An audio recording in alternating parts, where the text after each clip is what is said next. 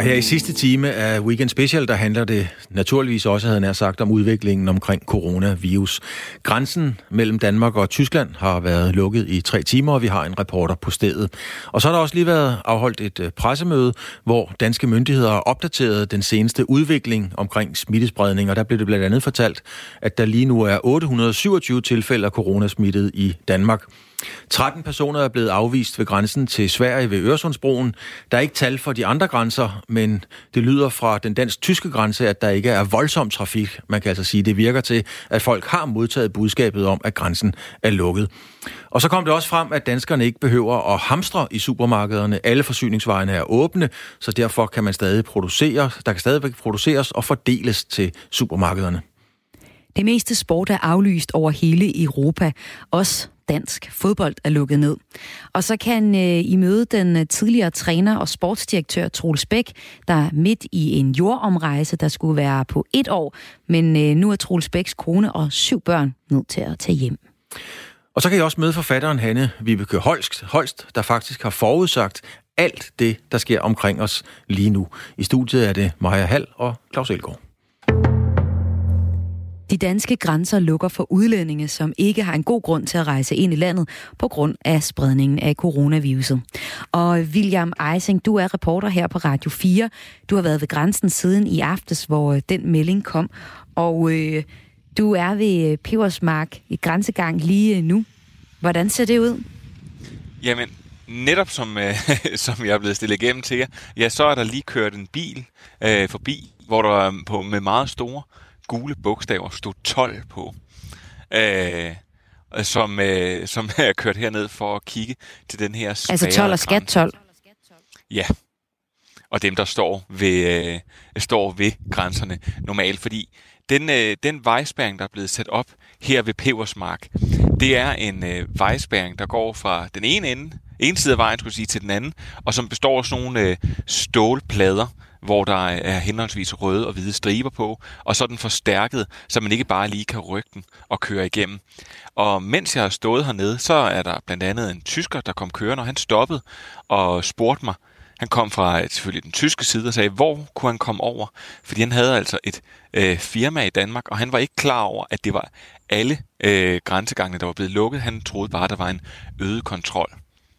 Men udover ham, så øh, havde jeg blandt andet også mulighed for at snakke med Jens Larsen, som var en af de øh, nysgerrige sjæle, som faktisk flokkes til, enten for at finde ud af, om, den, om grænsegangen er passerbar, eller, om, øh, eller bare for at se, skulle jeg til at sige, hvordan det ser ud, når sådan en grænse den er spærret. Og det hører vi øh, nu, men øh, der er en lille smule vind på båndet, bare lige så øh, dig, der lytter med, kan bære over med, med lydteknikken her. Hvad, først, hvad, hvad hedder du? Jeg er Jens Larsen. Jens, øh, vi står her ved, hvad hedder, det, hvad hedder det her sted egentlig? Det hedder Pebersmark Grænseovergang. Og som jeg kan forstå, så er det det her sted, du plejer at krydse hver dag, når du kører på arbejde. Hver morgen ved 5 tiden kører jeg over grænsen her, ja.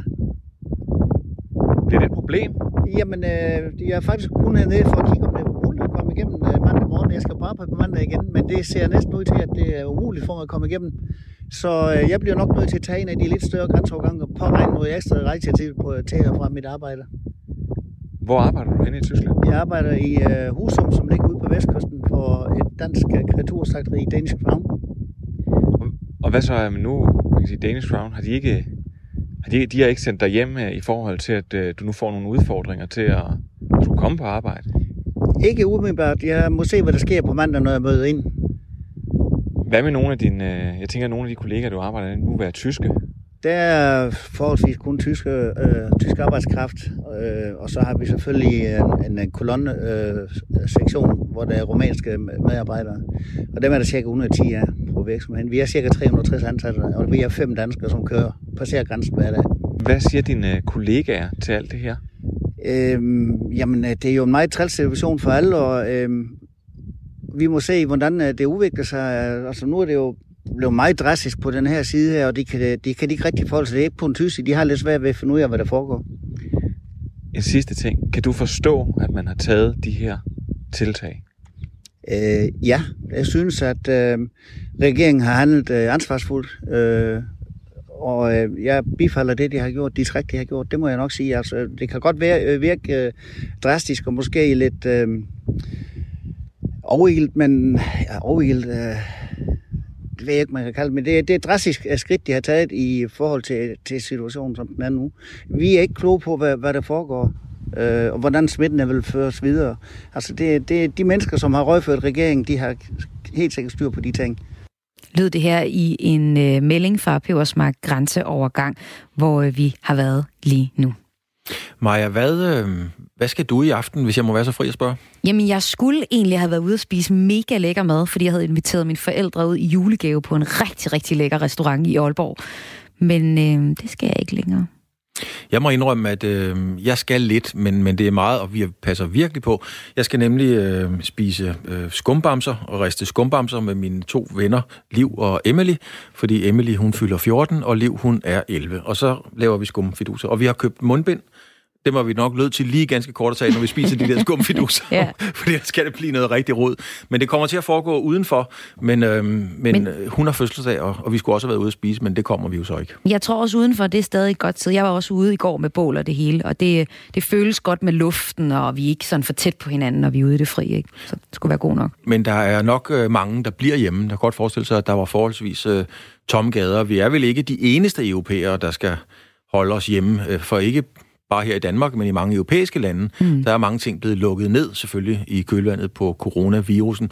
Vores reporter, Mads Anneberg, er i øjeblikket i Belgien, hvor han bor noget af tiden, og i går var han og resten af Belgien på en sidste bartur, kan man vel sige, fordi ved midnat lukker alle barer og restauranter, nemlig ned i det ellers så ølglade land. Jeg har lige været op og få sidste omgang på baren The House, som ligger tæt på der, hvor jeg bor i, øh, i Belgien når jeg siger sidste omgang, så er det faktisk sidste omgang i mindst tre uger. Alle bare lukker ned her klokken 12, øh, altså midnat, i, uh, i hele Belgien. I just want to ask you, I'm from uh, Danish uh, radio. And you're closing here at, uh, at midnight. Uh, yes, uh, everybody has to close the bar at uh, midnight in uh, in Brussels and in all Belgium tonight because of uh, the fucking coronavirus. So, what are you going to do in the meantime? Absolutely no clue. I'm just gonna rest and, uh, and chill and wait for uh, the reopening. I think it's it's a shame for uh, everybody not having bar, not having, not being able to social socialize at all.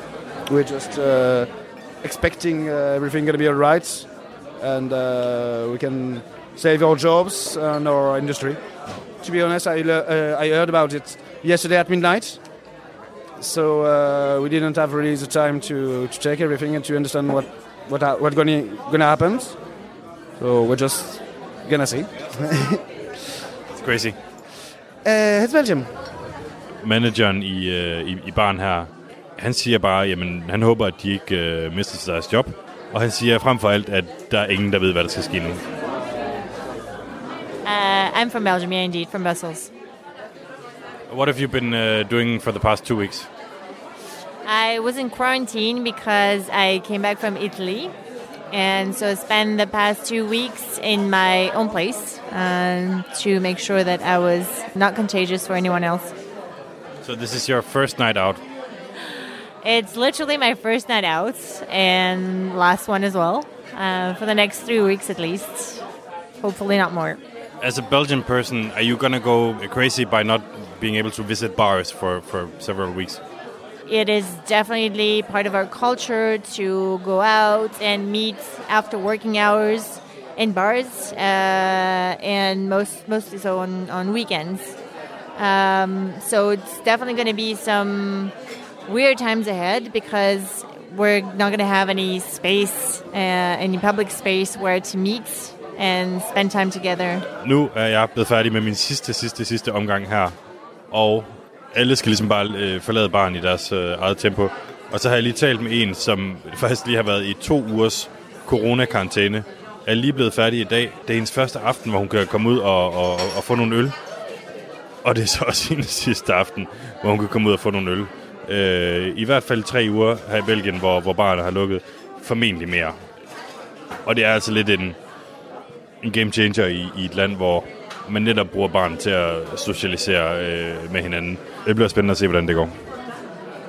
Ja, det var altså lyden af den sidste skænk i Belgien, hvor vores reporter Mads Anneberg her havde talt med manageren Thomas og bargæsten Marina, lige inden alle landets barer og restauranter lukker ned. I Danmark, der var det tomt i aftes. Det kan Thomas Schumann bekræfte. Han er vores reporter, og han tog et tjek på nattelivet, der i den grad også er coronaramt.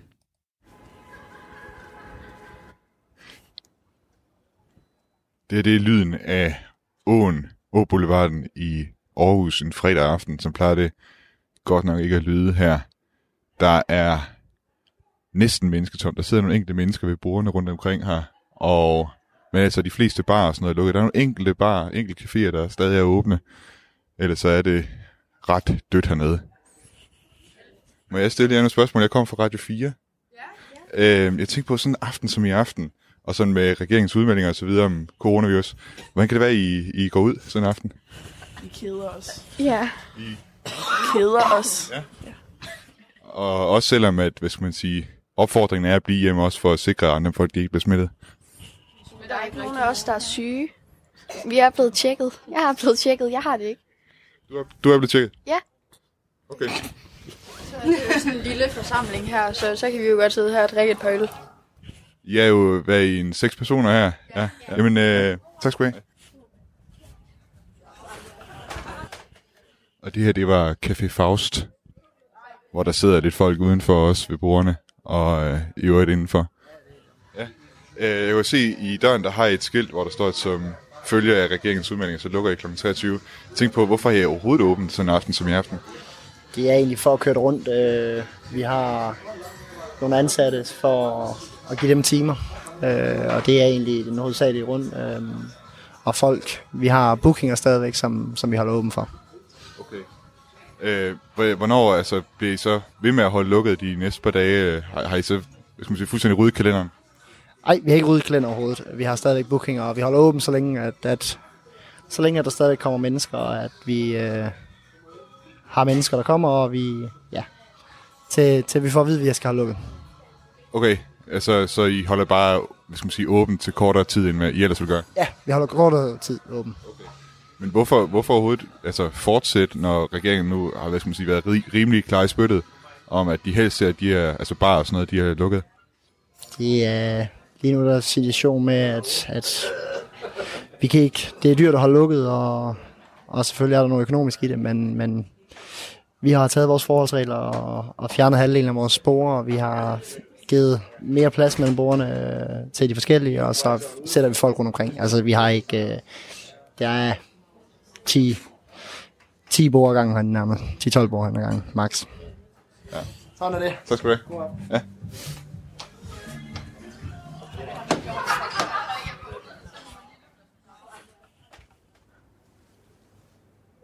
Her på Shawarma King, der plejer der på den her tid af aftenen, sådan klokken lidt i 11, og så være ret mange mennesker, der skal ind og have en kebab.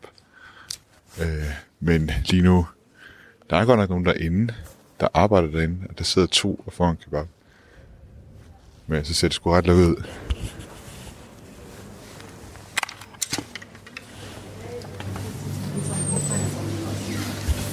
Hej.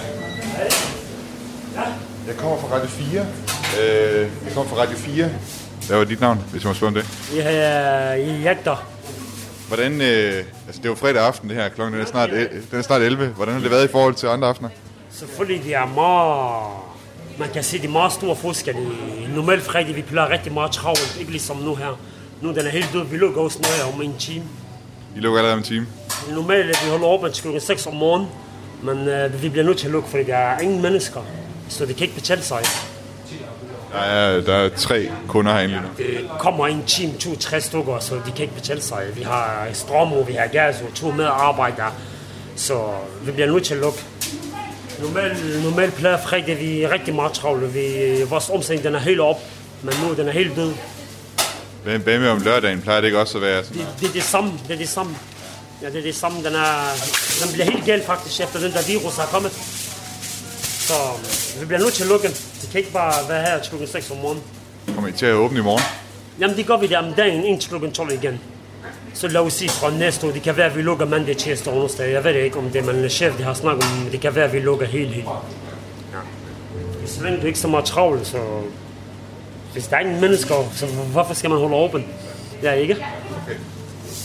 Det er Jon. Ja, tak skal du have. Selv tak. Altid velkommen. Undskyld, øh, må jeg sige, jeg, to. jeg kommer fra Radio 4, og jeg tænkte på, om jeg vil stille jer et par spørgsmål. Ja. Øh, det ser ud til, at I får lige en kebab hernede på Shivarme King. Det plejer man også at gøre sådan en fredag aften, hvis man har været i byen. Har I været i byen i aften? Nej, nej, jeg har været på Vandfyr Café. I har været på Vandfyr Café. Må, må man godt det stadig med coronavirusen? Ja, jeg har ikke lukket i hvert fald. Man skal bare spritte sine hænder, før man går ind. Okay. Ja, Er ikke noget med på sådan en vandpibecafé, der deler man den der vandpipe der mellem hinanden? jo, det gør vi. Er det ikke et problem, eller? Nej, altså det ved jeg ikke. Jeg, jeg tager det ikke så tungt med det der coronavirus. Du er ikke bange for at blive smittet? Altså jo, men altså, det ved jeg ikke. Jeg tænker, altså, nej, jeg tænker ikke sådan, sådan over det. Jeg er ikke så sart omkring sådan noget. I skal have tak, fordi I øh, vil være med. Ja. Ja. Ha' det godt. Lige måde. Hej.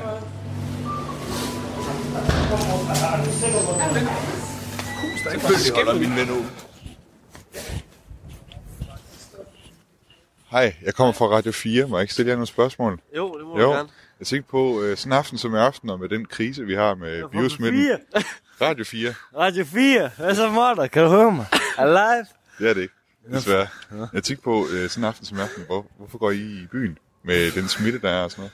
Fordi, Fordi I ikke har særlig øh, meget at give sig til. Okay. Nej, det, jo, vi var i Hornerstedt. Så tænkte vi, der skete nok noget i års, men der er rimelig dødt. Så finder vi uh, finder Så- nogle stramme fisser, men uh, det er jo heller ikke muligt. Altså, du er næste fisser, vi har fundet hele Mathias, aften. hvad er det for noget? Så det er dybt tragisk, kan man sige. Er I ikke bange for at blive smittet? Nej, det er vi sat ned ikke dog. Vi er ikke over... Hvad for chancen er for os? Vi, vi dør, den er 0,02. Og chancen for, at jeg krasser af i en brand, den er 0,5. så, det er jo mindre en god bytur, kan man sige. ja. beslutning at tage i byen i år. Så udsend mig i radioen. Og så vil jeg bare sige god aften, Bono. Tak skal have. Ja, der var nogen, der var i byen i øh, går, kunne vi høre her. Her var det Thomas Schumann, der har været ude i det danske natteliv. Der var ikke sådan super mange mennesker ude, men der var der lige lidt, der havde våget sig ud på øh, barne, trods øh, coronatiden. Ja, det er jo altså weekend, som man kan høre. Udover byture, så plejer det også at være ens betydende med et væld af store sportsbegivenheder rundt omkring i hele verden. Men også sporten er ramt af voldsomme konsekvenser i kølvandet på udbruddet af coronavirus. Formel 1-sæsonen for eksempel skulle være startet om, ja, nu i øh, Australien i den her weekend. Det er aflyst, og det er jo de fire første løb i sæsonen. Flere klassiske cykelløb, Flanderen rundt, Milano Sanremo, Giro d'Italia er ude af kalenderen. Ishockey-VM for kvinder er væk. Alt håndbold i Europa, landskampe, klubturneringer er aflyst frem til 12. april. NBA, så er det basketball i USA er aflyst. Der bliver ikke spillet øh, kampe lige nu, og listen er nærmest uendelig. Og så er der selvfølgelig dansk fodbold, Dan Grønbæk. Du er vært på Radio 4's fodboldmagasin 4 på foden. Hvad er egentlig den status på den hjemlige fodbold? Det er noget rod, kan man vist godt sige på nuværende tidspunkt. Altså, der kommer ikke til at blive spillet fodbold i landets tre bedste rækker på herresiden øh, de næste to uger, de to bedste rækker på kvindesiden. Øhm, det er divisionsforeningen, der ligesom skaber rammerne om dansk fodbold. Det er dem, der står for afviklingen af Danmarks turneringen i fodbold. Og, og det store spørgsmål er egentlig lige nu, hvad der kommer til at ske om to uger, altså når vi kommer hen i slutningen af marts måned. Der er ikke rigtig nogen, der ved det endnu. Øh, divisionsforeningen har hidtil ikke rigtig ville forholde sig til det scenarie, som jo øh, øh, ifølge nogen er relativt sandsynligt, altså at der ikke åbnes op for fodbold igen i, i år. Øhm, men i en pressemeddelelse i går, der har de altså øh, slået fast, at jeg sidder med den her, at citat, vi skal have afsluttet sæsonen 2019-2020, så når den kommende sæson går i gang, så sker det med det antal hold og den struktur, der er øh, besluttet. Hvis man har fulgt lidt med i fodbold, så ved man jo, at der skulle ske nogle ændringer i turneringerne øh, i Danmark på herresiden øh, her efter den her sæson. Man skal have skåret lidt ned på holdet, antallet af hold i, i Superligaen, og det betyder, at der var øh, lidt ekstra nedrykker, nedrykkere fra Superligaen til første division i år i forhold til sidste år. Og der har Claus Thomsen, der er formand for divisionsforeningen, altså ved at sige nu, at vi er nødt til at få afviklet turneringen på en eller anden måde, så vi sørger for, at der er det antal nedrykkere, der skal være, så der er det antal hold, der skal være ifølge strukturændringerne til næste sæson. Ja, det vil altså med andre ord sige, at på en eller anden måde kan man ikke bare rive turneringen ud af kalenderen og lade som om den ikke har, har eksisteret. Der skal op- og nedrykning. Øh, jeg, jeg kan fortælle dig, Dan, at øh, i øh, Vejlams Folkeblad var Stig Petersen, der er direktør i Fredericia i første division, citeret for at sige, at hvis teoretisk, at turneringen blev fløjtet af nu, øh, så var han sikker på, at så ville dem, der lå nummer 1 i første division, rykke op. Det er så Vejle, mm. og dem, der ligger nummer sidst, rykker ud. Men, men 14 dage, altså i forhold til, at regeringen jo har lavet restriktioner og sanktioner, der går meget længere frem end 14 dage, så, så er det vel ikke overvejende sandsynligt, at der bliver spillet fodbold om to uger. Hvad, hvad siger dine vandrør dig? Jamen, der er meget få, der ved det lige nu. Altså, hvis man men, men et eller andet sted, så kan man sige, heldigvis er der øh, rigtig mange i fodbolden, der jo siger, at det er ikke os, der skal tage stilling til det. Vi følger sundhedsmyndighedernes øh, anbefalinger på det her område. Vi, følger, vi holder øje med, hvad de siger øh, lige nu. Når man så kigger på, hvad sundhedsmyndighederne siger, som I garanteret også har fortalt masser om i særudsendelserne i, i går og i dag, men så, så handler det jo altså ikke om, at der er noget lige nu, der peger på, at, de her, øh, at der ikke er en trussel fra øh, coronavirusen om, om, øh, om to uger. Så på den måde tror jeg godt, vi kan gå ud fra et scenarie, der hedder, at det her det, øh, kommer til at vare længere end 14 dage.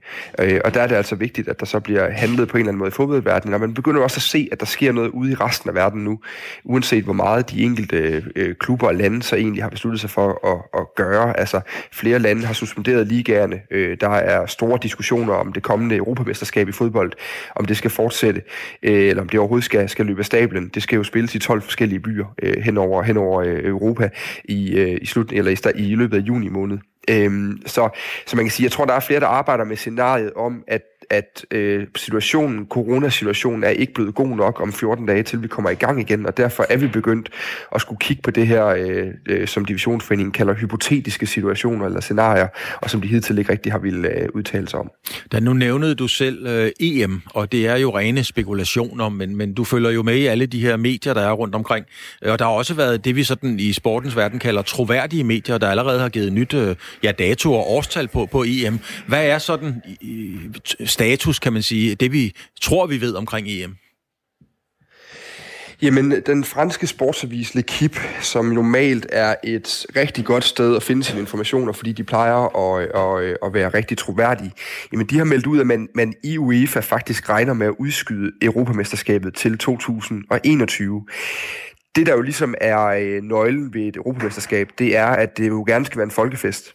Det skal jo gerne være noget, hvor masser af mennesker færdes øh, ikke bare på stadion, når kampene bliver spillet, men også uden for stadion i de værtsbyer, hvor, øh, hvor EM skal spilles. Så det er som sagt 12 forskellige lande, 12 forskellige byer til, til sommer.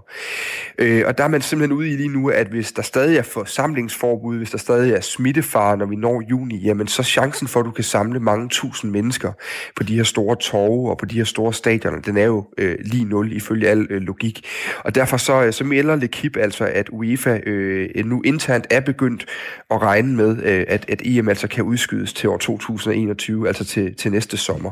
Øhm, om det kommer til at ske, det får vi nok øh, mere øh, klarhed omkring i den kommende uge. Altså, der, er, der er et møde på tirsdag i UEFA, hvor, øh, hvor L'Equipe mener videre, at, øh, at øh, det kommende rumesterskab i hvert fald er på dagsordenen. Og hvis vi lige kigger øh, over dammen til England, altså England har jo til synligheden grebet hele corona-aspektet an på en lidt anderledes måde. Eksempelvis er der et, øh, et stort øh, heste, et så horse, altså vedeløb øh, i, i Cheltenham, øh, mm. hvor der er 67.000 tilskuere hver dag, fire dage i træk. Der har været spillet på fyldte tribuner osv. Men nu kan jeg jo se, at der også er aflyst i England. Hvad er det, der har overbevist englænderne om, at Premier League altså også skal lægges ned? Det er et virkelig godt spørgsmål, fordi i første omgang er det svært at vide, hvad det egentlig var, der overbeviste dem om, at det ikke skulle lægges ned. Altså, øh, der er jo ikke noget, der tyder på, at England er mindre hårdt ramt af coronavirusen end så mange andre europæiske øh, lande. Men øh, det, der i hvert fald er sket i England over de sidste 3-4 dage, øh, er, at vi har jo Premier League, der er den bedste fodboldrække i England, og som måske er det, det dyreste produkt, kan man sige, i det øh, store øh, verdensomspændende katalog, der hedder fodbold.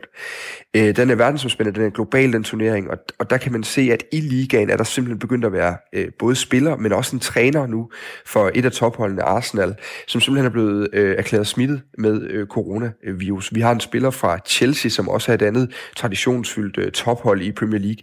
Han hedder Callum Hudson-Odoi, et, øh, et ungt, øh, meget håbfuldt talent fra, fra England, øh, som også er erklæret smittet. Så man kan sige, det flere peger på rundt omkring er, at det måske i mindre grad er øh, selve problemet med, om fans kan blive smittet på tribunerne, som har gjort det, øh, at man nu har udskudt kampene, øh, og måske i højere grad er, hvad det er for et sportsligt produkt, man egentlig kan tilbyde ned på banen, fordi hvad sker der lige pludselig, hvis de bedste spillere, de bedste trænere, øh, en masse personel omkring de her hold er, er smittet af coronavirus, og derfor ryger i karantæne. Hvad gør vi så? Hvad er det så for et fodboldprodukt, vi, vi tilbyder? Men for at gøre den færdig, så kan man sige, at finten vil ved Premier League. Grunden til, det er så stort et spørgsmål derover er jo, at det er dyrt Øh, de har en kæmpe tv-aftale, og man vurderer fra nogle forskellige britiske medier, at hvis de kommer til for eksempel at aflyse resten af sæsonen i Premier League nu, øh, hvor der stadig mangler en, en del kampe, jamen så kan de altså ende med måske, og at øh, der er nogle af de her store tv-selskaber, som ringer til Premier League og siger, vi vil simpelthen have en del af vores penge tilbage, vi har betalt for at kunne sende det her produkt, hvis og, ikke kampene bliver spillet. Og det, og, kan, det er altså milliardbeløb. Det er rigtig mange penge. Og hvis man vil have det fulde overblik over både national og international fodbold, så skal man simpelthen tune ind på Radio 4. Det er mandag aften kl. 19.05, og det er Dan Grønbæk himself, som netop er med her, der har været på fodboldmagasinet 4 på foden. Nu er der nyheder.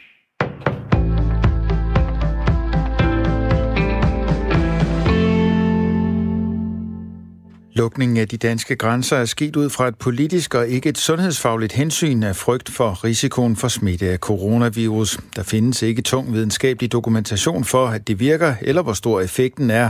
Det bekræfter direktør Søren Brostrøm fra Sundhedsstyrelsen på et pressemøde. Det er en politisk beslutning ud fra mange hensyn. Der findes ikke betydelig videnskabelig dokumentation for, hvor stor en effekt det vil have. Der findes historiske erfaringer, hvad angår influenza og pandemier. Som det fremgår af Verdens Sundhedsorganisationen, er det ikke noget, man anbefaler. Helt generelt anbefaler man ikke grænselukninger, medmindre det følger af ekstraordinære omstændigheder, siger Søren Brostrøm. 827 er bekræftet smittet af coronavirus i Danmark. Desuden er et mørketal af smittede, der ikke er blevet testet. Grænserne til Danmark er nu på grund af coronavirus lukket for udlændinge, som ikke har en anerkendelsesværdig grund til at rejse ind i landet. Det gælder frem til 13. april. Regeringens beslutning trådte i kraft kl. 12 ved grænseovergangen i Sønderjylland, i lufthavne, havne og andre steder, hvor folk rejser ind fra udlandet, vil der være en omfattende grænsekontrol, som skal sikre, at restriktionerne bliver overholdt. Effekten kendes dog ikke. Der er ikke særlig god dokumentation for grænselukning, og den dokumentation, der er, viser, at den er beskeden, medmindre der taler om en grænselukning af en ø, siger Søren Brostrøm fra Sundhedsstyrelsen. Det er politiet og forsvaret, der står for at føre den beslutning ud i livet. Her til eftermiddag er der endnu få, der er blevet afvist i lufthavne, grænseovergange, havne og andet. Vi har den grænselukning, vi har besluttet at have. Den tilbageviser folk, der ikke har et anerkendelsesværdigt formål i Danmark. Det er vigtigt at understrege, at de beslutninger, der bliver truffet, bliver truffet på et fagligt grundlag. I sidste ende er det et politisk tiltag, siger kommunikationsdirektør Anders Fransen fra Rigspolitiet. Spaniens regering bekræfter, at der er registreret over 1.500 nye tilfælde af coronavirus mellem fredag og lørdag. Der er dermed registreret 5.753 tilfælde i landet, hvilket er det næsthøjeste antal i et europæisk land efter Italien. Avisen El Mundo skriver, at der vil blive indført en form for nødretstilstand fra senere i dag. Premierminister Pedro Sanchez skal tale ved et regeringsmøde til eftermiddag om blandt andet indskrænket bevægelsesfrihed. Madrid-regionen er den værst ramte med næsten 3.000 tilfælde. Spaniens indrigsministerium vil kontrollere alle politistyrker, også lokale og regionale enheder, under nødretstilstanden, hedder det. Danmarks Apotekerforening opfordrer ældre, kronisk syge og andre i risikogruppen for coronasmitte til ikke at gå på apoteket, hvis det kan undgås. Folk i risikogruppen opfordres i stedet til at få nogen til at gøre det for sig. Hvis man er nødt til at gå på apoteket, er det en god idé at holde afstand til sine medborgere, så man mindsker risikoen for smitte. Opfordringen fra den danske apotekerforening kommer i kølvandet på, at den svenske apotekerforening har givet en tilsvarende opfordring til landets ældre. For ældre i Danmark kan der være hjælp at hente hos Dansk Røde Kors. I hvert fald melder organisationens danske generalsekretær Anders Ladekarl klar til at give ældre og andre fra risikogrupperne en hånd. Man kan ringe til Røde Kors. Det gælder både dem, der ikke selv kan komme afsted på apoteket, og dem, der gerne vil have en hjælpende hånd. Dem, der gerne vil give en hjælpende hånd med. I Danmark er 827 smittet med viruset. Der er endnu ingen, der er døde af viruset i Danmark. Dog er coronaviruset skyld i over 5.000 dødsfald globalt, og det er påvist, at risikoen for at dø stiger markant, desto ældre den smittede er. Stort set solrigt i dag, men i løbet af eftermiddagen bliver det mere skyet i de vestlige egne, 3-7 grader, og vinden bliver svag til let. Du lytter til Radio 4. Mit navn er Thomas Sand. Der er flere nyheder igen kl. 16, men nu fortsætter den direkte særudsendelse Weekend Live med Maja Hall og Claus Elgaard.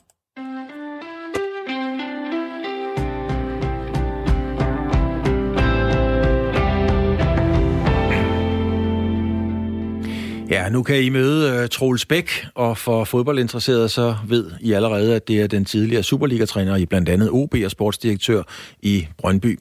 Troels Bæk er på en uh, jordomrejse, der skulle vare et års tid, sammen med kone og syv børn. Men Troels, nu er I strandet i Oman og skal altså afkorte rejsen på grund af de omstændigheder, som vi blandt andet har fortalt en masse om i dag, altså corona-udbruddet. Øhm, hvad er jeres situation lige nu, Troels?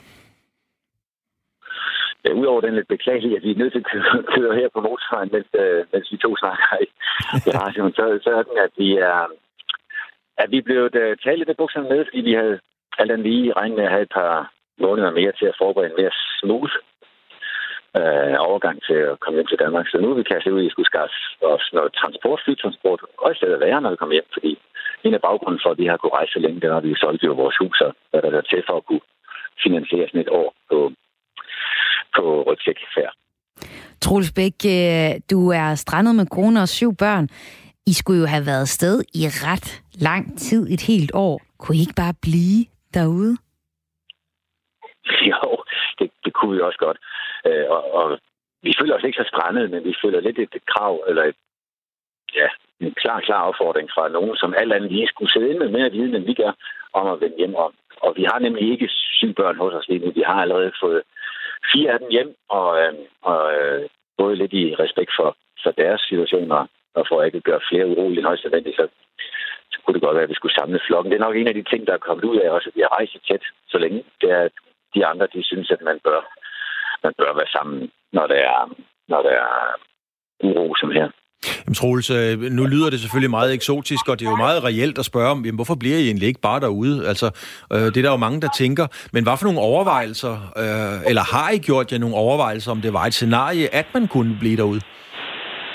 Ja, det har du bestemt, fordi alt andet lige så er der her, hvor vi er i, i Oman, øh, angiveligt langt mere ro på, end, øh, end det, vi hører om hjemme fra Danmark. Og det vil sige, at vi skal egentlig rejse fra et relativt fredeligt område hjem til et højrisikoområde. Det er dårlig mening. Men, men der, hvor meningen også klinger lidt ind hos os, og som jo åbenbart må være det, der har fået regeringen til at opfordre, som det har gjort, det er, at vi, at vi har øh, øh, oplevelsen af, at øh, pludselig kan der blive lukket for lufthavne. Vi har, vi har en af vores øh, sønner med hans kæreste på Filippinerne, der er det fået vidt, hvor de er, at lufthavnen lukker for både ind- og udrejse i en måned. Derfor er de nødt til også at lette sig og komme afsted. Har, har I følt jer utrygge altså omkring coronaen på noget tidspunkt, mens I har været afsted? Nej, det har vi faktisk ikke. Der har været... Altså, de steder, vi har været, har heller ikke været direkte påvirket, men i hvert fald ikke i en grad, som, som har fyldt noget. Øh, og jeg har indtryk af, at, at det nye epicenter, som jo er i Europa, det, det har gjort meget mere uro der, hvor, hvor du er, end, end her, hvor vi faktisk er. Ja, her der er situationen øh, meget seriøs. Troels Bæk, vi taler med Troels Bæk lige nu, der er tidligere fodboldtræner og sportsdirektør, og som altså er strandet i Oman nu, men skal til at hjem med, med hele familien. Troels, jeg bliver nødt til lige at høre om den her tur. Det lyder jo helt fantastisk at kunne rive et år ud af sin kalender og rejse øh, rundt med øh, familien. Hvordan har det været indtil videre? Jamen, det har været helt fantastisk. Det, tænk sig at bare have så meget tid med den, man er kæreste med, der sidder og sætter mest pris på. Og det har vi jo givet hinanden mulighed for, fordi alle otte faktisk øh, valgte at sige ja til at tage med og opsige både lejligheder og, og arbejde for nogle tidkommende. Og det næste, så er verden jo et stort forunderligt sted, og jorden er et fredeligt sted at være. Øh, alles bekymringer om, hvordan det er at være fire måneder i Sydamerika, for eksempel ved vores børn, og må jeg ikke kunne fortælle videre, fordi der var fredeligt og venligt, og, og det er det, vi oplevet. Det er en god oplevelse og en god læring, og en livsskole, som jeg tror ikke kun gælder for børn, men også for os voksne. Troels, nu uh, fortalte du, hvis jeg hørte det rigtigt, uh, at uh, I har solgt huset, og lejlighederne er blevet sagt op og så videre. Men nu skal I hjem. Uh, så står I der med kufferten. Hvad så? ja, og det er lige præcis der, hvor vi har regnet med at have lidt mere tid på at med det. Altså, fordi vi, vi har jo ikke planlagt, at vi skulle hjem i dag. Uh, så nu uh, har det givet os selv lidt travlt her de næste par dage, fordi øh, vi, vi skal hjem, og øh, vi skal finde ud af, hvor hjem er. Så der bliver, der bliver formodentlig lige øh, trykket på alle de knapper, vi kender, og, og heldigvis har vi et godt netværk, så må ikke det viser sig, at der er et led i sommerhus eller en ikke karantæne-ramt kælder et sted, hvor vi kan starte, og så må vi se, hvad, hvad fortsættelsen skal blive. Altså, du er, eller I er, det ved du, altid velkommen øh, i Vejle. Så kan vi ringe til Erik Rasmussen og Bo Henriksen også. Det skal, det skal som nok blive meget hyggeligt. Kan jeg forestille mig? Ja, kan vi lave et kollektiv der? I sagtens. Altså, vi kan lave alle de kollektiver, vi skal. Troels, øhm, ja. nu kommer du hjem, og det er lidt tidligere end, øh, end, øh, end planlagt. Øh, du har jo ikke sådan meldt ud, jeg har i hvert fald ikke set, du har meldt ud, om du kommer tilbage til fodbolden igen. Men, men det her har vel også sat nogle tanker i hovedet på dig. Øh, får vi dig at se i en eller anden rolle i topfodbold igen? Øh, Jamen, det er også lige et par måneder for tidligt, men øh, for det første, så, så er det ikke noget, jeg bare selv vælger. Det skal man vist nok være flere om og synes var en idé. Øh, og for det andet så konstaterer jeg også, at, at øh, noget af det, vi har gjort, når vi har været det her, det er, at vi har sat pris på hinanden selskab. Det kunne være, at, at Mille og jeg, vi ender med at få lavet og så øh, sammenhængende meningsfyldt fællesskab, så vi kan vi kan gøre det til en levevej også. Men, men øh, vi er i gang med, med flere overvejelser. Altså en af dem kunne også godt være, at, at vi faktisk kan klare os uden fodbold, selvom det er mit, øh, mit hjemmevandte miljø. Troels Bæk, øh, rigtig god øh, hjemrejse, og tak fordi, at du havde overskud og, og tid og lyst til at være med midt i, i, i den nedtur, det naturligvis er at skulle hjem øh, lige netop nu. Tak skal du have. Ja, det var lidt, at jeg sagde gentilfaret lige i Muskat, men det kan vi rette op på til de næste minutter her. Tak for det. det gør vi, Troels. God tur. Ja, ja tak. Hej.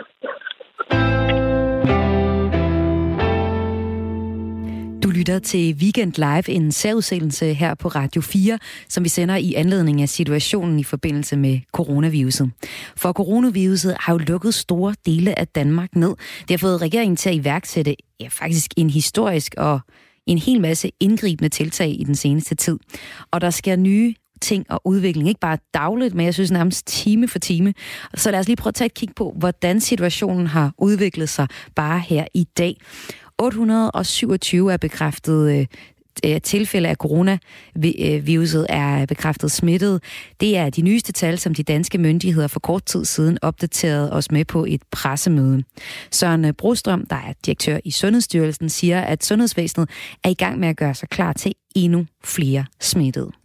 Og det bruger vi rigtig meget øh, energi på. Også her i weekenden arbejder vi og i dialog med både sygehuse, øh, lægepraksis osv. i forhold til, hvordan vi kan få øh, hele den her omstilling af sundhedsvæsenet, som vi skal til. Hvordan vi kan få frigjort de ressourcer og kapaciteter, som vi skal bruge til at håndtere vores forventning, desværre, om flere smittede og flere syge, og også flere alvorligt syge med corona. Og pressemødet handlede naturligvis rigtig meget om grænselukningerne. Fra i dag kl. 12 lukkede Danmarks grænser mod Tyskland og Sverige, og det betyder, at kun udlændinge med det, man kalder et anerkendelsesværdigt formål, kunne komme ind i landet. Almindelig turisme, for eksempel familiesøg, er ikke grund nok til at kunne krydse den danske grænse. Og Rigspolitiets kommunikationsdirektør, han hedder Anders Fransen, gav en opdatering på status ved grænserne få timer efter. De meldinger, øh, vi har fået indtil videre øh, på baggrund af den første time, øh, hvor de skærpede indrejserestriktioner har været iværksat, det er, at øh, trafikken er ikke omfattende for så vidt angår øh, passagertrafik. Øh, folk har hørt øh, budskabet, og der kommer væsentligt færre, end der plejer at gøre. Øh, PT er der øh, inden for den første time øh, 13 øh, personer, som på øh, øh, Øresundsbroen øh, er blevet øh, stoppet og har fået at vide, at de ikke kan komme ind i, i Danmark. Man har haft fem på den blå grænse, øh, som i en bus øh, blev bedt om at, at, at, at køre tilbage igen. Øh, og på den grønne grænse mangler vi stadigvæk at få øh, tallene ind for det. Men samlet set er det et meget, meget begrænset antal. Og i selve Københavns øh, Lufthavn har der, var der på den første time øh, 0, øh, som blev øh, øh, afvist. Rigtig mange de spørger, hvad det her anerkendelsesværdige forhold, formål det skal være, og hvad det betyder i virkeligheden. Det kom Rigspolitiet nærmere ind på ved dagens pressemøde. Det er vigtigt at huske på, at især når, vi, når det her bliver øh, indført med så kort aftræk, øh, at man selvfølgelig udviser en stor grad af konduite her i, i starten. Øh, man prøver at finde ud af, hvad er årsagen til, at folk vil ind i landet, hvis de er kørt herop, og de ikke har noget med, der kan dokumentere det, men de har en, en rimelig forklaring, så vil det være noget, som øh, de betjente, der, der møder dem, og som jo almindeligvis er udstyret med en god portion øh, sund fornuft øh, til at kunne vurdere de her ting, og jo også på andre områder vurdere øh, i, i deres øh, daglige virke, om det, de hører, er en plausibel forklaring. Som tiden går, øh, kan det godt være, at vi på nogle områder, hvis vi kan se, der er nogle ting, der, øh, der lige pludselig bliver brugt som sådan en standardfrase, øh, skal vi så have skærpet øh, regler for det. Det er noget af det, vi sådan undervejs kommer til at, at finde ud af. Men i første ombæring, så vil det være ud fra nogle generelle kriterier netop, øh, har du et øh, sygt øh, familiemedlem i, i Danmark, som du skal besøge, har du øh, et arbejde, du skal passe, eller er der andre grunde, jamen så kan der måske være øh, mulighed for, at man, man kommer ind, og så tager vi det øh, af den vej.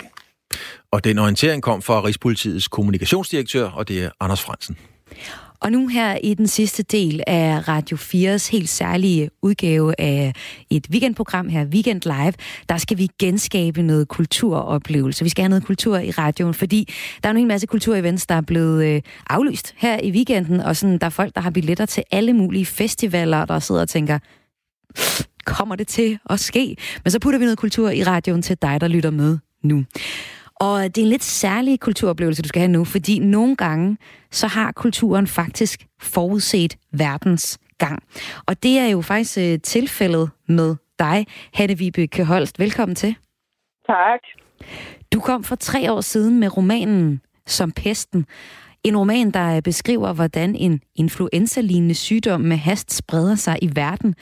Og din bog har jo vist sig at være sådan stort set en til en en profeti med den virkelighed, mm. vi befinder os i lige nu. Det er desværre, desværre. Ja. I hvor høj grad mener du egentlig selv øh, som forfatter, at din bog spejler den coronavirkelighed, vi står i lige nu? Altså bortset fra, at min virus, om jeg så må sige, er en uh, influenza, som på mange måder er meget farligere og rammer børn og unge, hvilket jo gør situationen endnu værre, altså i romanen, så vil jeg sige, at, øh, at, at alt er der nærmest en til en. Altså i romanen eller i virkeligheden. Det kommer an på, hvad man sammenligner med hvad efterhånden. Men hele forløbet er der øh, og øh, beskrevet fuldstændig. Frem til italienske tilstande, det er dog på øh, Hvidovre Hospital.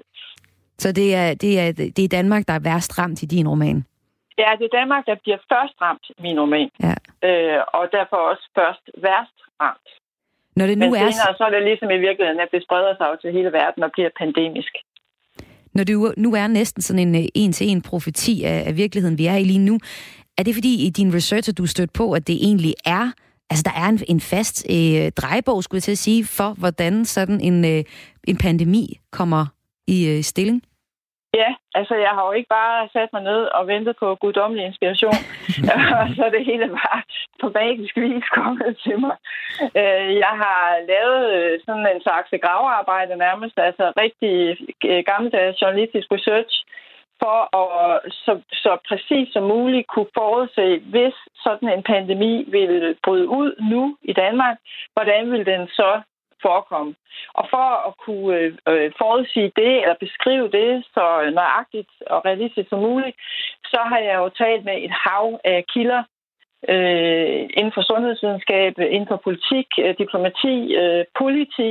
Øh, faktisk, øh, altså i Genève, hvor WHO øh, hører til, og min roman foregår i WHO, med en dansk heldinde i øh, hovedrunden, øh, og, og også i Danmark selvfølgelig. Øh, og derudover har jeg øh, læst enorme mængder af faglitteratur og prøvet at sætte mig ind i, hvad er, hvad er pandemier egentlig, hvad er det historisk, og hvad er selvfølgelig også det øh, sådan, øh, sundhedsmæssige, fysiske, biologiske, altså hvad, hvad, hvad er alle de her komponenter, som en pandemi den øh, består af? Jamen, Hanne Vibeke Holst, lad os da prøve at tage et lille uddrag fra din bog. Hvad er det for en ja. passage, du vil læse op? Jamen, det er den passage, hvor, passage, hvor vores øh, øh omtalte heldinde, Karoline Brander hedder hun, og hun er epidemiolog i WHO, og er i øvrigt næsten lige øh, startet i sit nye job som øh, leder af afdelingen for pandemier. Øh, og hun er ude at løbe i Genève, og så får hun en opringning fra Danmark, fra sin gode ven øh, Palle Nordby, som er professor på Serum Instituttet. Og han ringer til hende nu, og hun løber altså ned ved, ved søen om aftenen. Hun ringer, og så siger han, sidder, eller han ringer, og så siger han, sidder du ned? Jeg er ude at løbe. Så må du hellere finde en bænk eller noget, så du ikke skvatter om kul. Hvad er der? Skal du være ny direktør, eller hvad? Hå, udstøder han hurtigt. Sæt dig nu ned. Kom så med det, siger hun og styrer hen mod den nærmeste bænk. Kunstpause, trummevirvel. Du må kalde mig en Nobelprisager, hvis ikke vi står med et udbrud af en ny rekombineret influenzatype i Danmark. Højpatogen. Det betyder meget smittefarligt. Det er løgn. Hvad slags?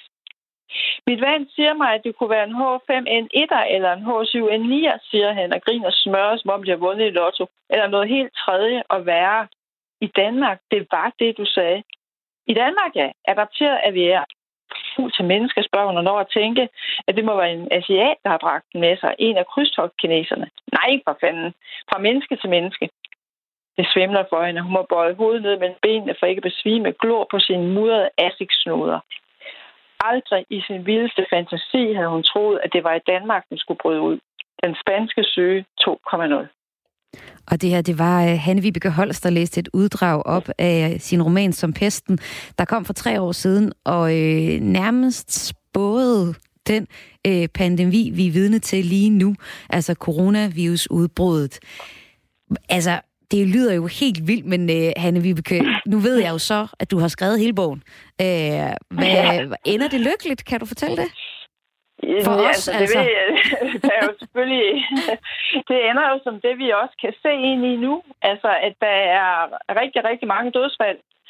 Øh, og, øh, men det ender godt på den måde, at øh, altså uden at nu spolere det hele, så ender det godt på den måde, at der også er nogen, der bliver klogere, og der er nogle unge aktivister, der ligesom tager over og, og forsøger at redde det afrikanske kontinent.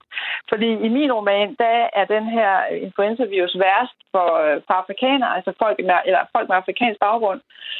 Det tror jeg ikke, at coronavirus er. Men det, som vi jo også oplever, det er bare ikke sket endnu, eller vil opleve, det er, at når corona rammer det afrikanske kontinent, så vil vi se øh, formentlig massive udbrud, som de har meget, meget svært ved at håndtere. Så i min roman, der handler det om, at det er de gode, der vinder. Men det, man skal huske, og sådan er det også i virkeligheden, der er jo altid skurker og helte i enhver historie, og i hvert forløb, og i enhver krise. Og det vil vi også se nu, at der vil være øh, dem, der viser den bedste side af sig selv, og så vil der være dem, der viser den værste side af sig selv. Og vi vil også se der vi, ikke, vi har ikke opdaget det endnu, men vi vil også se, at der vil være kriminelle netværk, der vil være politikere, der udnytter det. Der vil være alle mulige ting, som vi ikke bryder os om. Big Pharma, altså medicinalindustriens rolle, er ender ikke nødvendigvis så kønt, men det har vi ikke set endnu. Hanne Vibeke, du, øh, jeg ved ikke, om du er ude i sådan et lettere øh, dystopisk øh, tema eller, eller emne.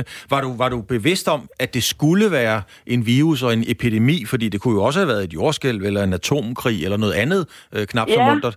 Men, ja, men, men skulle det, det være det? Ja, det var det. Eller det var jeg bevidst om. Fordi det, jeg ønskede egentlig, det var at trygteste verdenssamfundet. Ja, øh, den blev skrevet der, øh, i, mens øh, vi havde den store flygtningekrise i 2015, og udkom så i efteråret øh, 2017, så det er kun to og et halvt år siden faktisk. Øh, og der stod vi jo i sådan nogle store moralske dilemmaer. Hvad gør vi med de her store flygtningestrømme? Hvordan skal vi opføre os osv. osv. Og der kunne jeg allerede se dengang, at verden står over for nogle massive udfordringer hvor øh, flygtningestrømme, krig og konflikter selvfølgelig er en, men vi har også en kæmpe stor klimaudfordring. Og det kunne jeg egentlig godt tænke mig at skrive om, men det problemet med det er, at det udvikler sig så langsomt, så det er sådan sværere at få ind i drama.